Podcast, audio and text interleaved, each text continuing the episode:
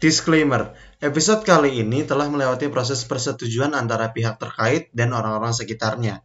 Jadi, ini hanyalah sebuah sharing tanpa ingin menyinggung pihak mana pun. Kita di sini hanya sharing ilmu yang kita miliki dan semoga bermanfaat bagi pendengar semua. Oke, yuk lanjut lagi. Welcome to NSPB Podcast. Ngobrol santai with Pradipta Bagastama. Halo teman-teman semua, balik lagi di podcast gue NSPB Ngobrol santai with Pradipta Bagastama. Dan hari ini seperti biasa kalau suara gue udah begini kita akan masuk ke segmen ngobrolin soal kehidupan. Tepuk tangan semuanya.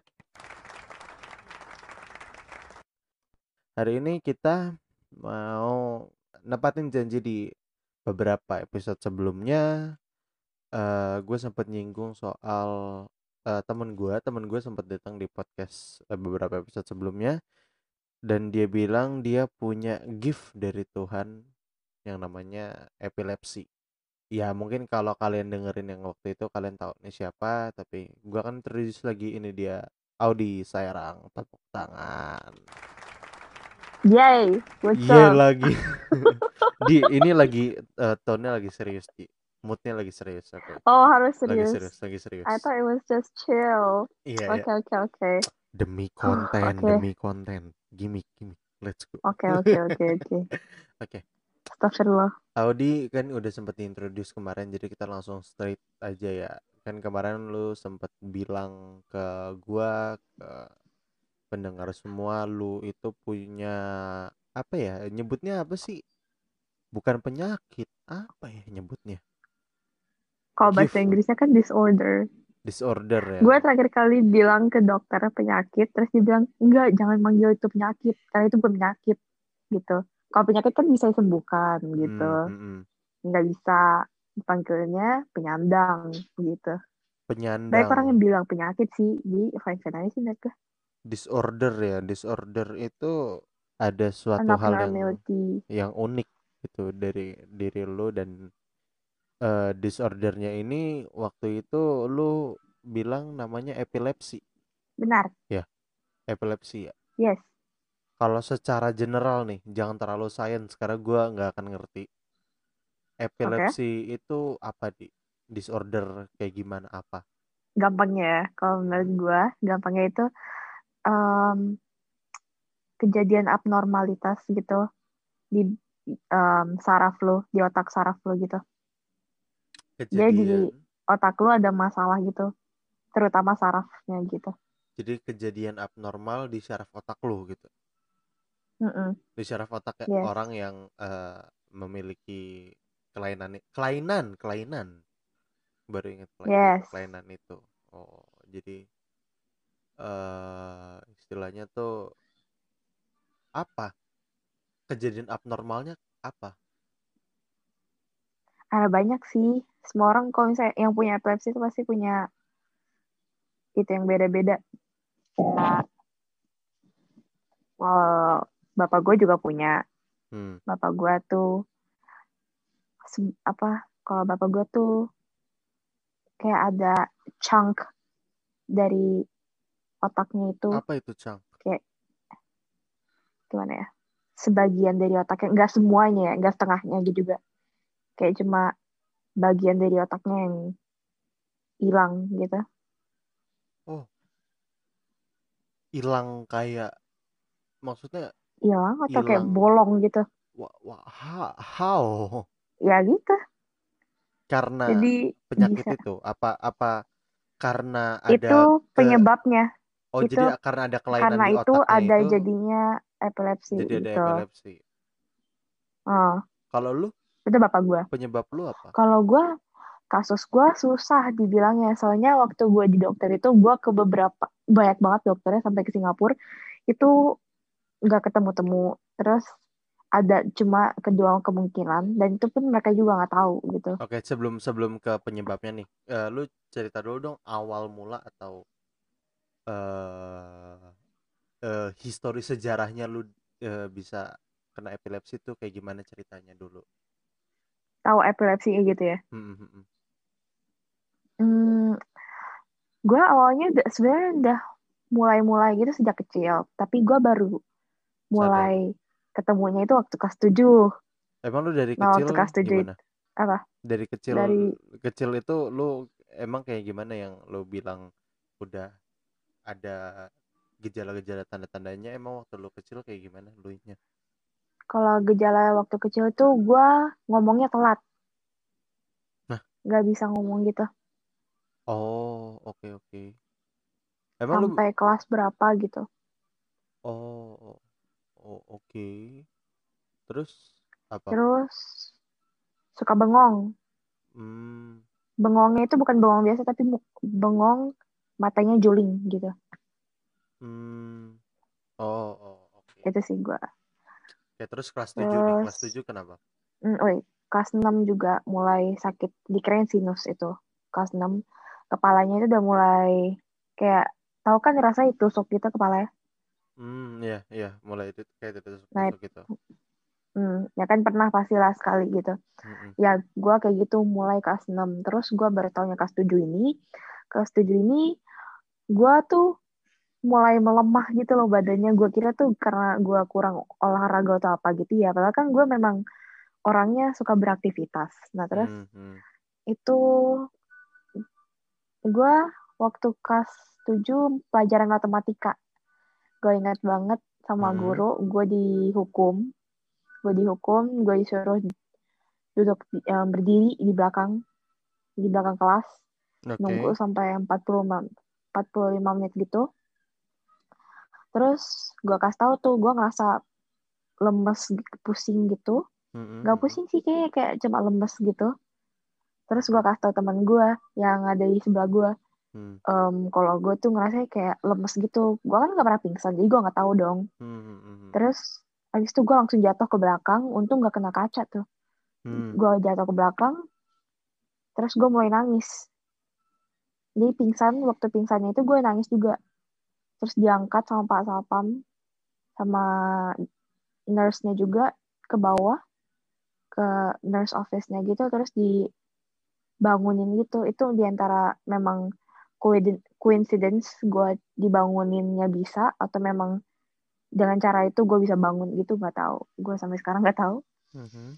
itu awal mulainya minggu depannya gue di hari Rabu kayaknya hari Rabu. Itu gue lagi di kantin bareng temen gue terus gue tiba ngerasa lemes lagi lemes terus pusing gitu. Terus gue kasih tahu temen gue soalnya kan gue bingung kenapa gue tiba ngerasa kayak gini. Gue kasih tahu tiba-tiba gue langsung jatuh ke belakang. Jadi kepala gue hampir jatuh kena lantai untung dipegang gitu kepalanya. Terus gue diangkat lagi ke nurse gitu itu awalnya itu awal awalnya sih ya terus gimana ya di gue di sana dikirain gue tuh kekurangan sarapan gitu loh Oh, oh, awalnya iya, iya. dikirain gitu Mhm. Terus akhirnya lu ke dokter. Em, enggak gue ke dokternya abis beberapa hari kemudiannya gue pingsan lagi nah baru itu gue ke dokter Mhm. dicek gitu dikirain gue lagi kekurangan iron or something gitu Mhm, mhm. terus dokternya bilang coba aja dicek EEG Dicek apa? EEG Apa tuh? jadi nanti ada kayak kabel kabelnya dicolok ke kepala lu gitu sekitar Aduh. kepala lu em, dan mungkin lengan juga sama bawah leher gitu buat cek EEG. saraf-saraf gitu EEG epilepsi. EEG tes gelombang otak ya. iya Prosedurnya dengan sih menempelkan elektroda di sepanjang kulit kepala. EEG mengukur fluktu fluktuasi tegangan yang dihasilkan dari arus ionik di dalam otak.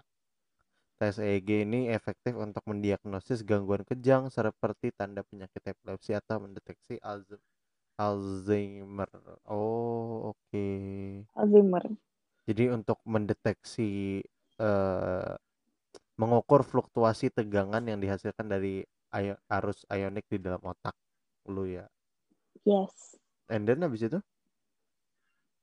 dicek awalnya nggak ada hasil terus kan Hmm. bingung kok nggak ada hasilnya terus yang tentang zat-zat besi itu juga salah kayak gue Hmm, masih hmm, hmm, normal-normal aja masih sehat gitu. Hmm, hmm, C- terus disuruh tes lagi kan. Keduanya hmm. Hmm. ketemu tuh.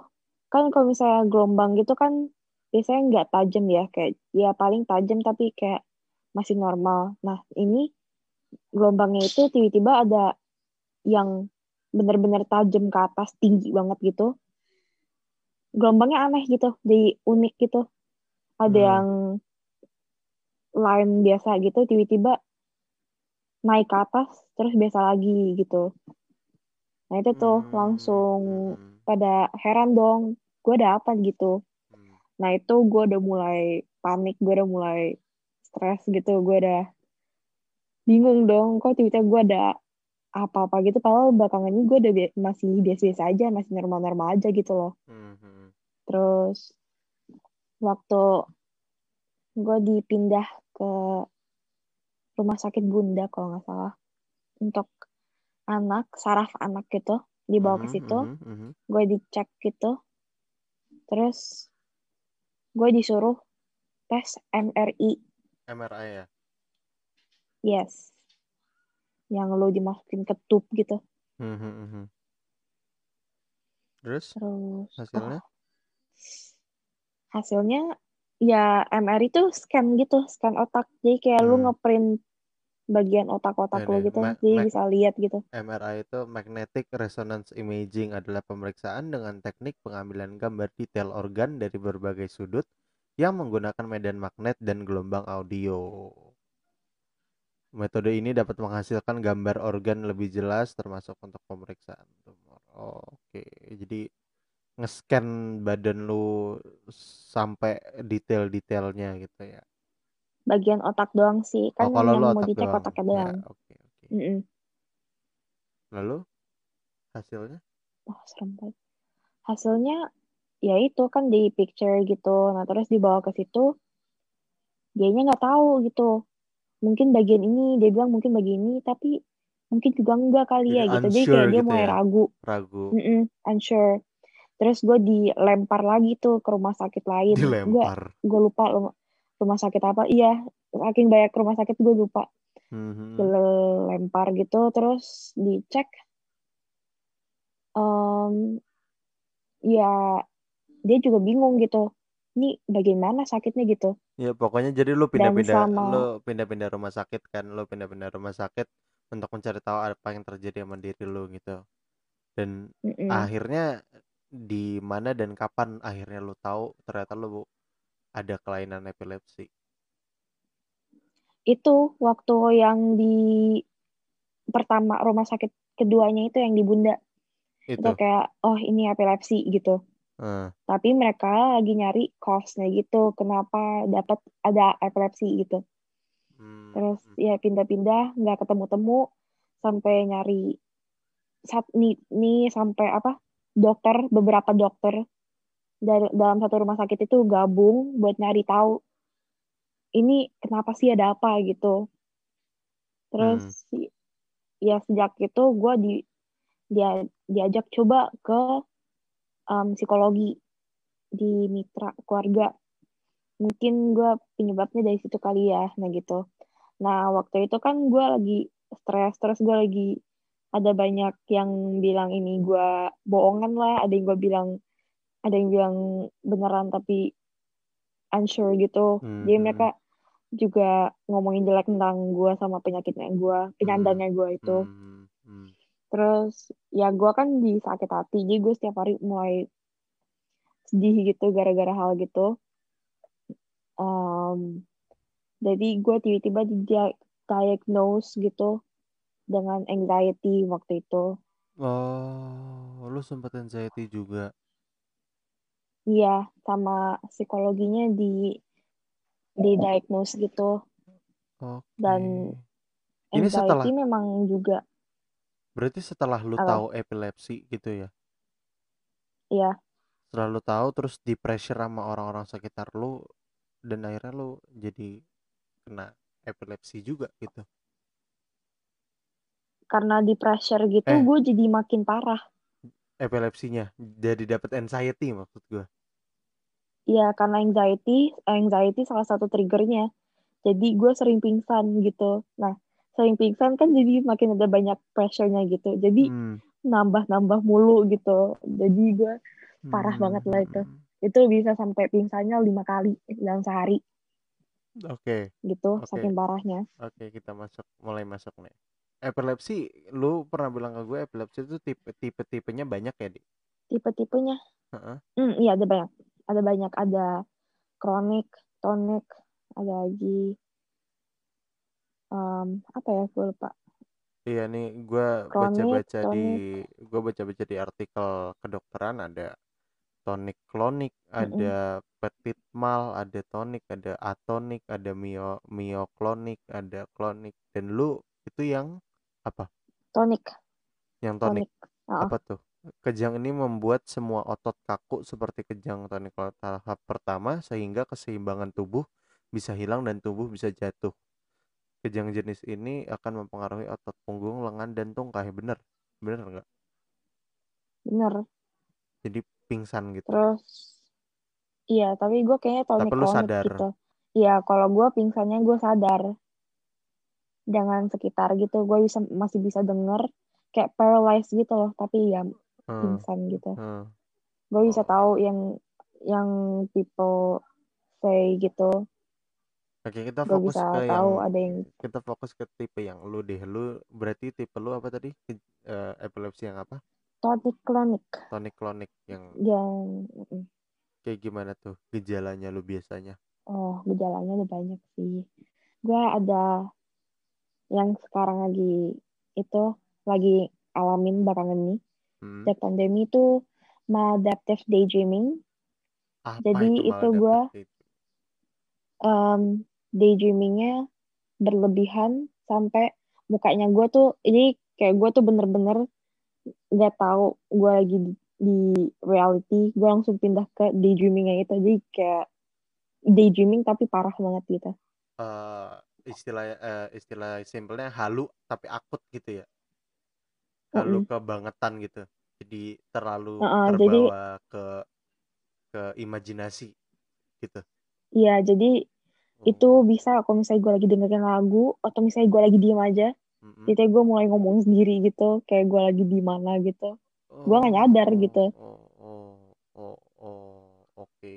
Terus terus lagi? ada lagi tremor tangan biasanya sih getar ya? tangan kanan ya getar gitu tangannya Mm. terus apa lagi ya Em, aura kalau nggak tahu aura tuh jadi gue tuh kadang-kadang tuh ya sekitar gue jadi but gue jadi matanya tuh buta untuk sementara doang Hmm, jadi isinya cuma hitam doang itu sih Jadi- gue ya kayak blackout gitu ya? terus ad- Mm-mm. tapi cuma 5 detik 3 detik doang tuh Hmm.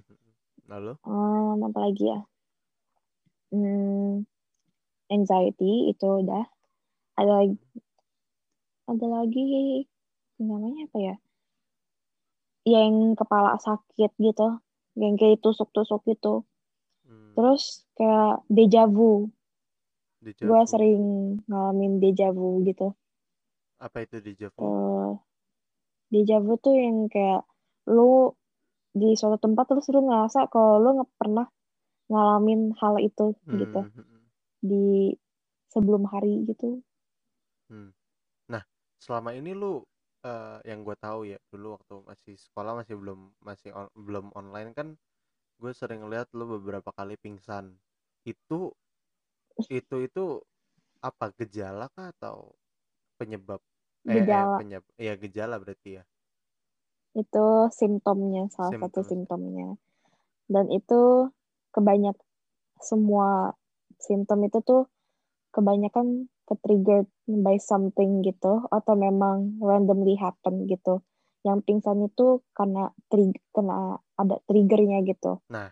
triggernya ada banyak Nah kalau kan lu juga pernah bilang ke gue tiap-tiap orang yang punya epilepsi triggernya beda-beda, betul ya? benar benar Kalau lu triggernya apa nih? gue masih nyari tahu juga sih tapi Oh. pasti gue kalau misalnya di konser kan misalnya suara kenceng banget Ah, terus ah.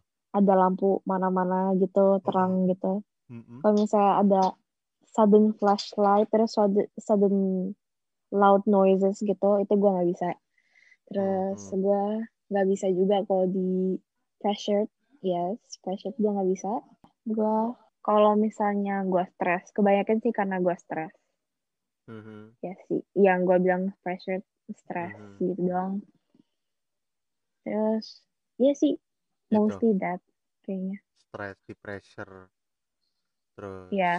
eh, apa lagi tadi kena oh flash. kalau olahraga juga bisa karena kecapean Oh, gitu Kecapean ya. Mhm. Mm-mm. Karena kan gue juga punya jantungnya, stamina-nya agak lemah, Lemah. gitu. Jadi itu salah satu triggernya juga. Oh, oke.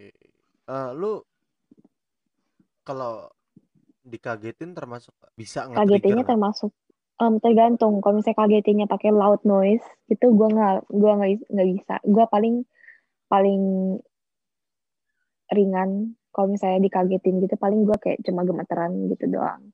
Oh. Tapi kalau misalnya parah tuh, kalau misalnya loud noise gitu.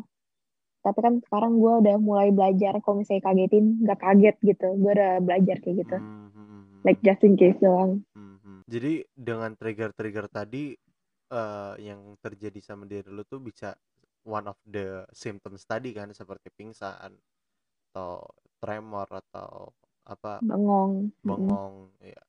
Oh. eh gini, lu dapet epilepsi ini dari apa gitu kayak eh, maksudnya asal usul epilepsi bisa masuk ke tubuh lu tuh dari dari mana? Sebenarnya sih kalau misalnya epilepsi tuh memang sejak lahir memang kayak gitu. Berarti Bisa genetik. ada yang kena epilepsi tuh bisa ada yang karena keturunan gitu. Tapi ke bapak aku juga kan punya epilepsi. Tapi aku tuh bukan epilepsi karena keturunannya. Kalau misalnya aku keturunan pasti simptomnya aku tuh Sama. mirip atau nggak sama kayak gitu. Mm. Berarti karena apa dong? Kalau bukan karena genetik. Memang udah ditakdirkan seperti gitu Oh, sejak lahir. oh oke, emang udah gift dari Tuhan berarti ya. Mm-mm. Eh, epilepsi ini ada obatnya nggak sih? Ada, sebenarnya ada. Tapi ada yang risky juga. Kalau ada yang pakai obat doang, bisa dikontrol, nggak bisa disembuhkan, tapi dikontrol. Em, ada juga yang bisa dihilangin gitu, dengan cara operasi laser, atau operasi bedah. Mhm.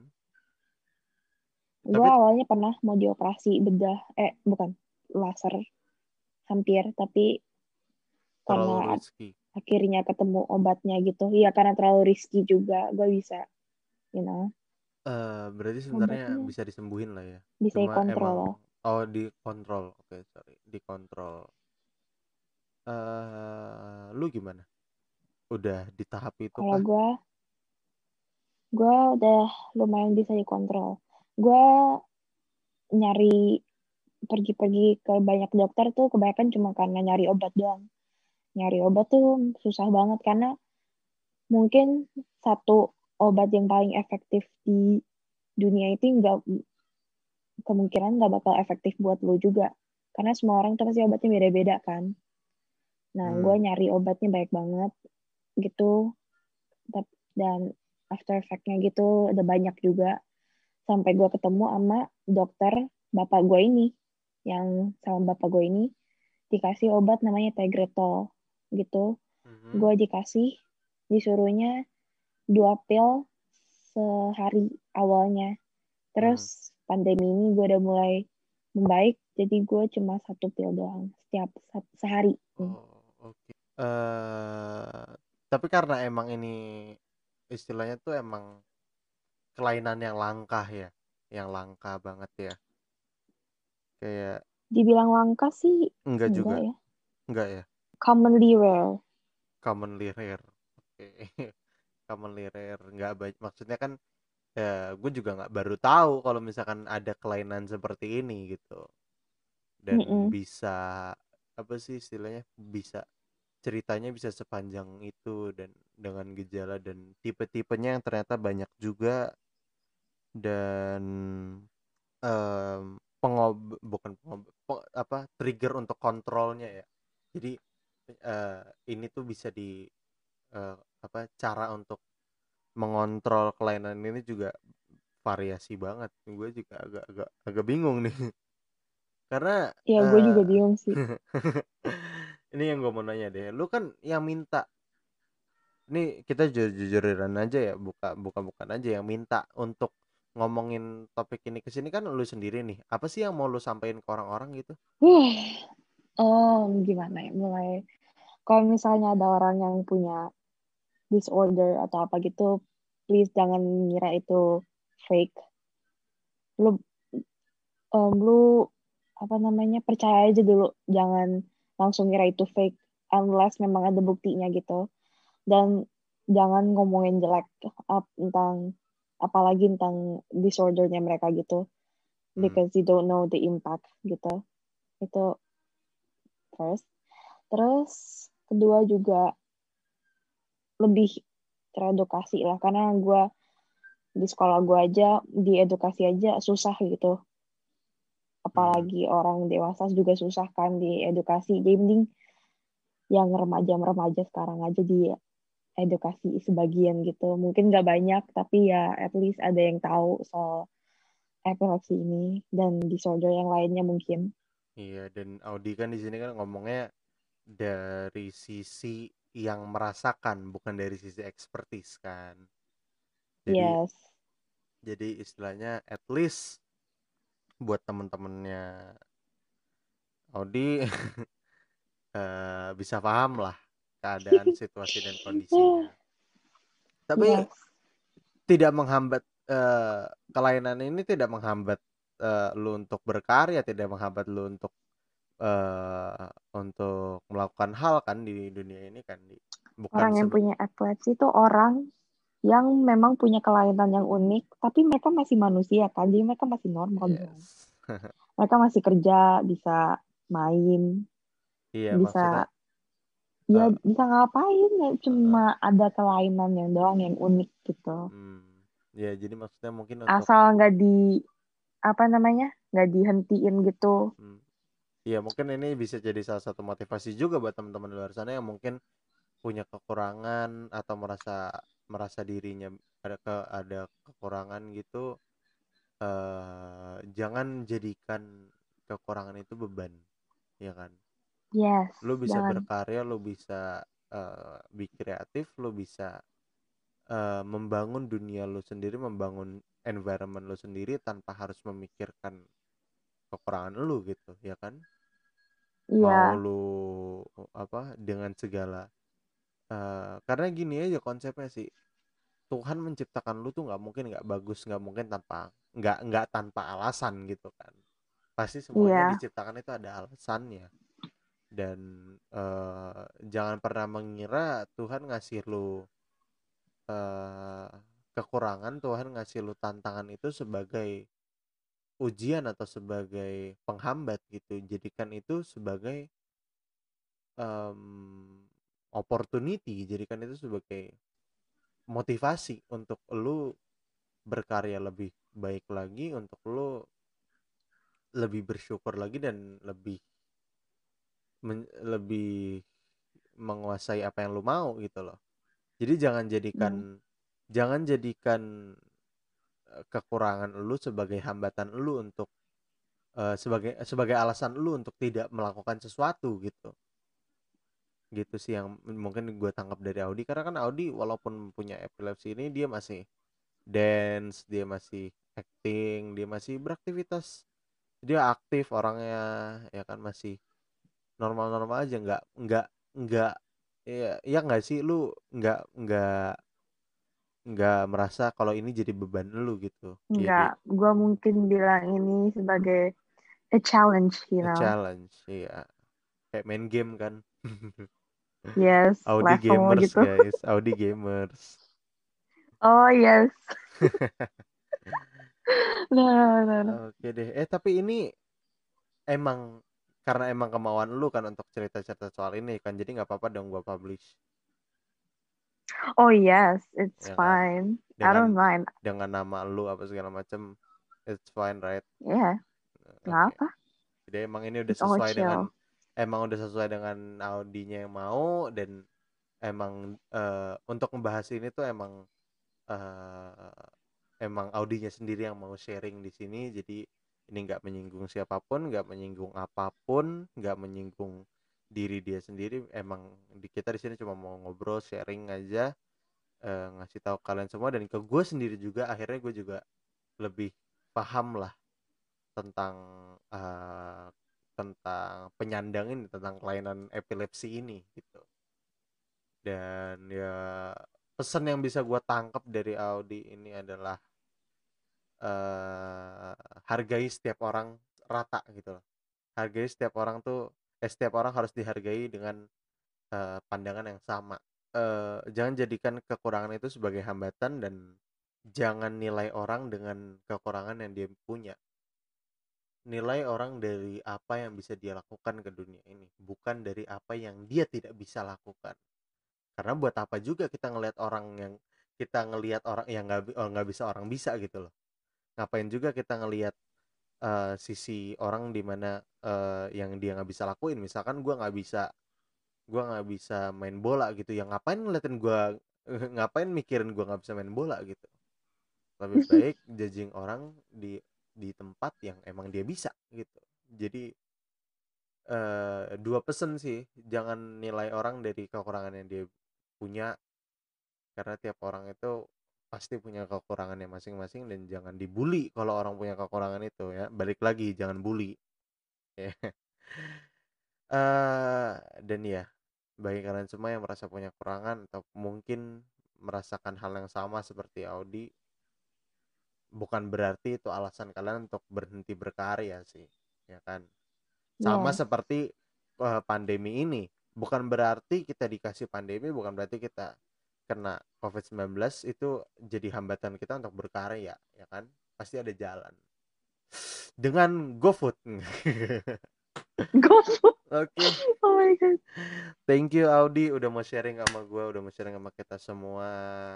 Ini bermanfaat yes. banget sih bermanfaat bermanfaat banget topik kali ini dan thank you pendengar semua juga udah dengerin episodenya sampai sejauh ini. Uh, terus uh, dukung terus podcast ini dengan cara dengerin terus di Anchor Spotify kita dan podcast platform lainnya. Kita upload setiap Kamis dan atau Sabtu. Kritik saran mau undang siapa mau uh, jadi bagian dari kita ngomong aja ke Instagram kita at nsbb.podcast Terus setiap minggu kita akan mengadakan uh, story interaktif. And thank you semuanya. Ini kita tidak menyinggung siapa pun, udah sesuai dengan persetujuan, jadi semuanya aman dan semoga semuanya bermanfaat. Thank you sekali lagi Audi udah mau datang. Yes. And ya, yeah, kita closing. So fine. This is Bagas and This is me Audi. Asik. Signing off. Bye. Bye bye.